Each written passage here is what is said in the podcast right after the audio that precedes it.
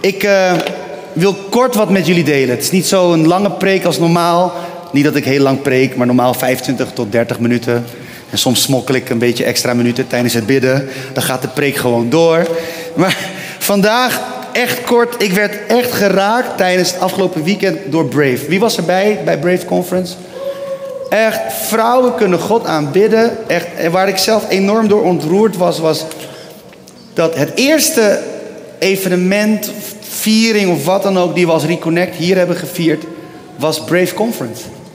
En de eerste spreker die hier heeft gesproken vanuit Reconnect, namens Reconnect, op dit podium, in deze zaal, was mijn vrouw. Een vrouw. En het is bijna, ik had zoiets van alsof God ons iets wil laten zien. Weet je, en dit zeg ik niet zomaar, ik kan het Bijbels onderbouwen. Toen Jezus opstond uit de dood, wie waren de eerste predikers van dat goede nieuws?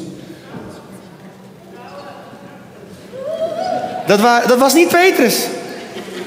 Dat was niet Johannes. Want al die mannen, sorry mannen, maar al die mannen waren een beetje verdrietig en zielig in hun huisje. En toen kwamen de vrouwen en die hoorden het nieuws en die vertelden het aan eerst aan de mannen. En de, en, de, en de mannen geloofden het niet. Sterker nog, ze gingen dan checken of die vrouwen het wel goed hadden gezien. En dan staat, Johannes schrijft erover dat hij vooruit, de, de leerling die Jezus lief had, die rende vooruit. Echt, ik vind het zo mooi dat, de, dat Jezus, het ding is dit, in de tijd dat Jezus opstond uit de dood, in die tijd hadden vrouwen geen rechten. Als een vrouw iets was aangedaan en een vrouw ging een klacht indienen en het kwam voor het gerechtshof, als dat nog zou gebeuren, dan was een vrouw geen geldige getuige. Een vrouw kon niet zelf zeggen, ja ze kon het wel, maar er werd niet geluisterd. Ze hadden geen stem. En wat deed Jezus? Hij gaf vrouwen hun stem terug. En de kerk heeft in de geschiedenis hetzelfde weer gedaan. Hè? We hebben niet geleerd van Jezus. En hoe mooi is het dat afgelopen weekend de vrouwen voorop gingen. En daarmee zeg ik niet per se dat vrouwen moeten leiden en dit en dat. Maar ik zeg wel dat we als mannen en vrouwen samen voorwaarts mogen gaan. En dat het helemaal niet erg is als vrouwen een keer voorop gaan. En een andere keer gaan de mannen voorop. En zo bewegen we samen als een huisgezin van God. Maar ik was echt ontroerd om mijn vrouw hier te zien preken. En het was echt een goede preek hoor. My goodness. Die vrouw kan. Dus ik bid nog steeds, het is al een proces van tien jaar, dat mijn vrouw op een dag op zondag hier gaat preken. Want ik zeg het de hele tijd. Maar als jullie vrouwen en mannen haar ook supporten. Want zij zegt altijd: ja, jij zegt het omdat je mijn man bent. Dat is helemaal niet waar. Als ze niet kon preken, zou ik, hier, zou ik niet vragen. Echt niet. Ik doe niet aan liefdadigheid wat dat betreft. Dit is, dit is een plek waar, het, waar voeding gegeven wordt. Dit doe je niet omdat je iemand leuk vindt. Dit doe je omdat je gelooft dat die persoon iets te zeggen heeft. Die iets kan bijdragen aan die community. Dus, bemoedig mijn vrouw. Ja, echt, Paul, echt, dankjewel. Maar, uh, en mijn vrouw had het over Jesaja. En ze heeft schitterend mooi uitgelegd waar het volk van Israël toen in zat ten tijde van Jesaja, ballingschap. Ze heeft een filmpje laten zien, supermooi filmpje uh, van internet wat, wat daarover vertelt en wat uitleg geeft over ballingschap. Heel kort uh, werd verteld toen Adam en Eva uit de tuin verjaagd werden. Wat je daarna ziet gebeuren in de Bijbel, dat uh, gebeurt van alles natuurlijk, Kain en Abel en bla komt er een volk. En niet lang daarna zie je opeens dat ze de toren bouwen. De toren van Babel. Dus vanuit exile, vanuit verstoten, vanuit verballingschap, kwam Babel. En als je kijkt in Jesaja, het Joodse volk, het moment dat ze werden verstoten uit het beloofde land, kwamen ze ook weer terecht in Babylon, Babel. Alsof het een soort symbolisch iets waar wij ook van kunnen leren als kerk van Jezus Christus vandaag de dag, de universele gemeente, dat we hebben een plek, we hebben een thuis, die is ons beloofd, die is bij God, die is in de hemel, in zijn heerlijkheid. Maar we zijn hier ergens op een plek en we weten, we zijn hier niet helemaal thuis. En we maken er het beste van. En zolang we daar nog niet zijn, vertellen we hier zoveel mogelijk mensen over Jezus. En willen we mensen meenemen, willen ze meenemen, willen we ruimte maken, willen we ervoor zorgen dat mensen thuis kunnen komen bij de Vader. En in die context deelden ze toen iets uit Jesaja 43. En ik weet niet of jullie wie erbij waren, weten het waarschijnlijk nog. Jesaja 43 vanaf vers 16. En daar staat, en ik heb deze preek niet doorgegeven, want ik had helemaal geen preek, moet ik ook eerlijk zeggen. Deze tekst die lingert al een hele week in mijn hoofd. En elk vrij moment van Brave in het weekend en elk vrij moment tijdens het schoonmaken deze week ging ik in mijn hoofd mental notes maken. Dus ik heb niks gestuurd naar Beamer, niks gestuurd naar vertaling, niks gestuurd naar Vanessa. Ik heb mijn excuses aangeboden, want ik, ze zei, Gil, heb je een preek? Ik zeg, ja, in mijn hoofd, maar niet op papier. En uh, dus sorry, maar jullie zijn geweldig. En ik weet nog toen we Reconnect startten, was Vanessa er ook altijd. Dus die was mijn tempo gewend. En ze kreeg nooit aantekeningen. Eigenlijk nooit. Ze vroeg er ook niet om, gelukkig. Op een gegeven moment zijn we wat gegroeid en ja, dan is het wel handig. Dus dit wordt niet standaard. Dit was echt omdat we deze week aan het verhuizen waren en aan het doen waren. Het waren dagen van 9 uur s ochtends tot soms 19 uur s avonds. En dat was mooi. Meer dan 50 mensen hebben denk ik over de hele week geholpen. Met verhuizen, schoonmaken, klaarmaken. Dat is te gek. Maar Jesaja 43 vanaf vers 16 en daar staat... Dit zegt de Heer die een weg baande door de zee en een pad door machtige wateren die paarden en wagens liet uitrukken. Een heel leger van geweldenaars, daar lagen ze en ze stonden niet meer op. Ze zijn vergaan als een kwijnende vlam gedoofd. Maar dan zegt God, blijf niet staan bij wat eertijds is gebeurd. Denk niet terug aan het verleden, want zie, ik ga iets nieuws verrichten. Nu ontkiemt het, heb je het nog niet gemerkt? Ik baan een weg door de woestijn maak rivieren in de wildernis. Vader, dank u wel voor uw woord. Uw woord is licht. Er verschijnt licht wanneer uw woord open gaat. Licht om ons te laten zien waar we staan, waar we naartoe gaan. En misschien nog het allermooist, hoe we kunnen komen op de plek die u voor ons heeft. Want uw woord is een lamp voor ons voet en een licht op ons pand.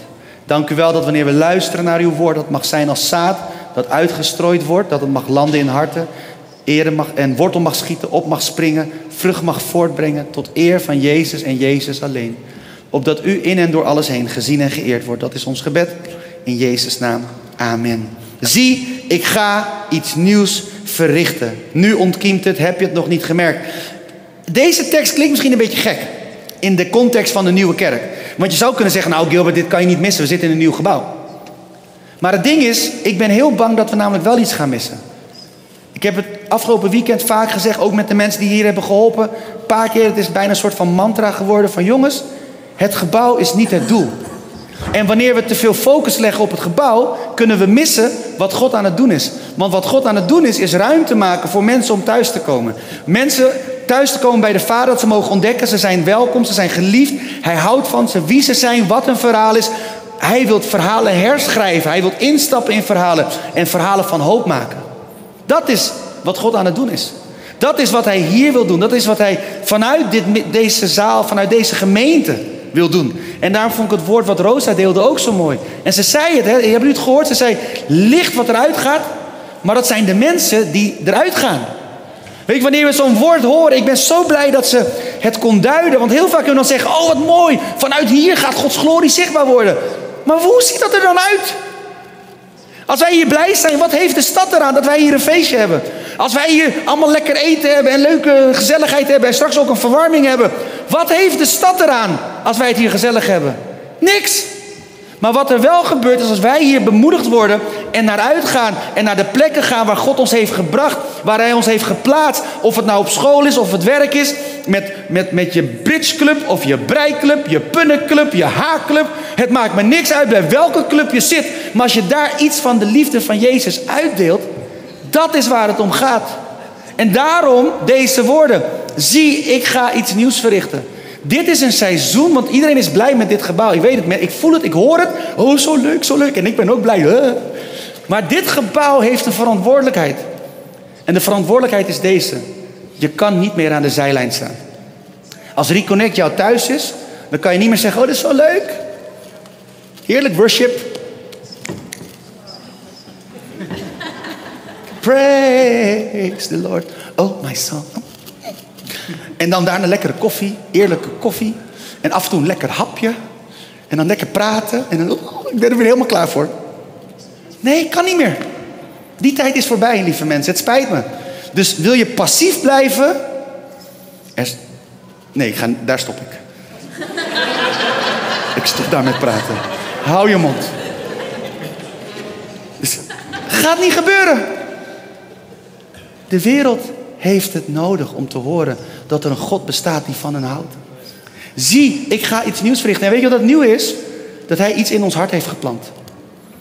Een soort urge, een soort gevoel van onrust, een soort gevoel van ik heb het goed, maar dit is niet waarvoor het is.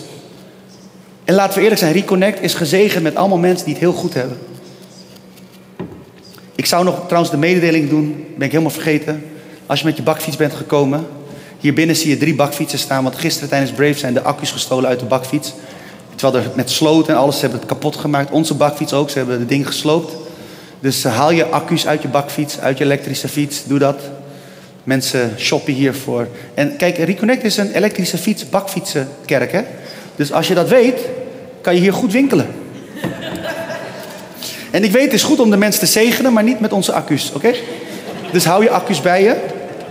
Iemand maakt al de grap, we gaan een kast maken met accu's. Dat je gewoon...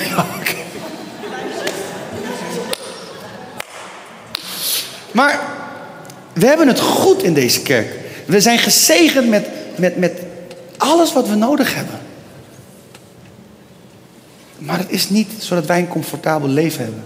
Het is gegeven aan ons zodat wij het kunnen uitdelen aan de mensen. Het is tijd om in beweging te komen.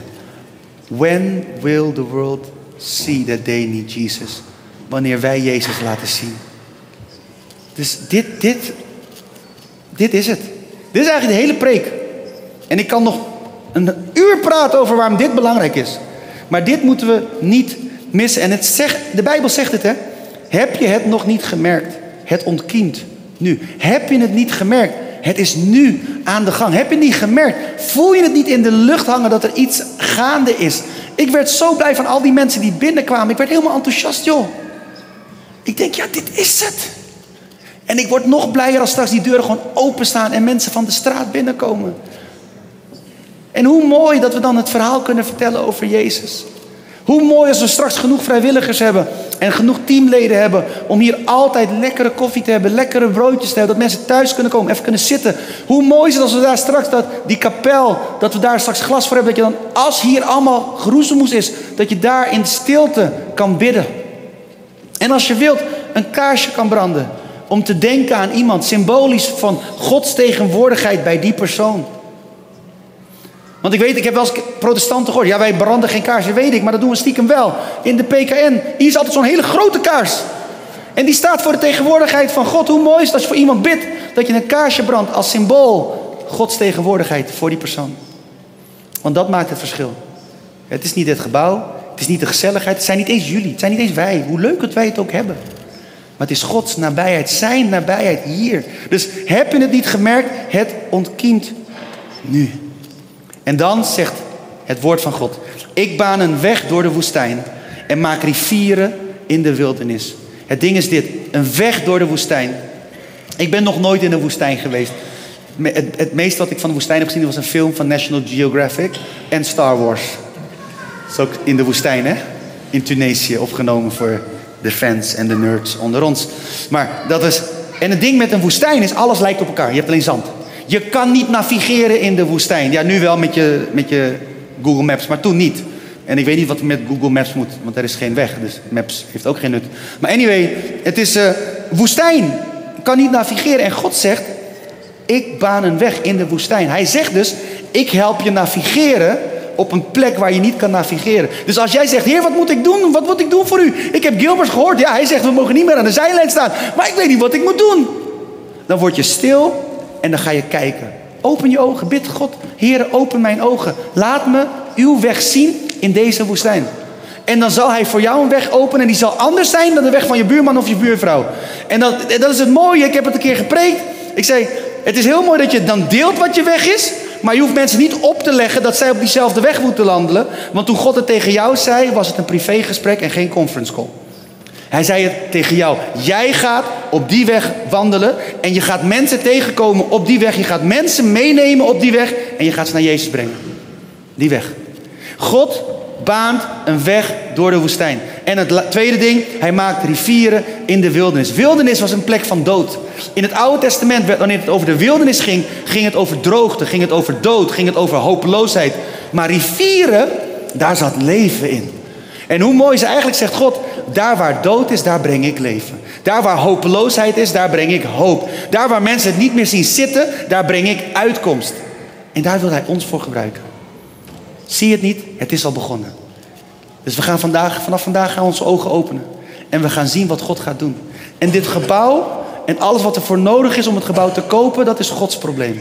En wij gaan doen wat wij kunnen doen en God gaat toevoegen wat er tekort komt.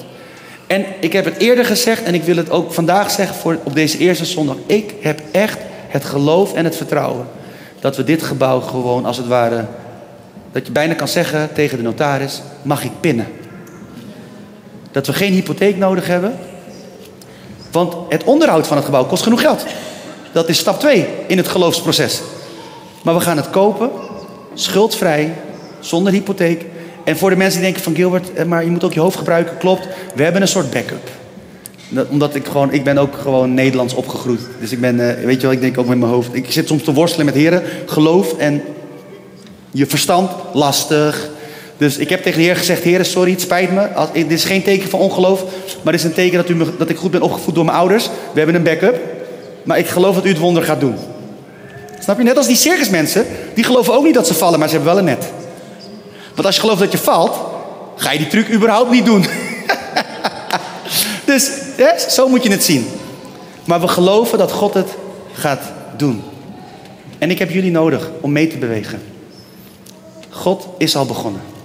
En verkijk je niet op het gebouw. Denk niet dat dit het is. Dit is het middel. Dit is het voertuig. Dit is de wagen waarmee God gaat bewegen. En dit is de plek waar Hij gaat gebruiken, waar mensen binnen gaan komen. En wij gaan opstaan als kerk. Ik hoop dat je iets hebt gehad aan de podcast. En als dat zo is, dan kan je ons helpen door je te abonneren, het te liken of een review achter te laten als je via iTunes luistert. Want zo kunnen nog meer mensen onze podcast vinden. En als je wilt, dan kan je ons ook ondersteunen door te gaan naar reconnect.cc slash geven. En dan kan je jouw gift geven, zodat we nog meer mensen kunnen bereiken. Wat je ook doet, hartelijk dank en nogmaals dank dat je wilde luisteren naar de Reconnect Community Church podcast.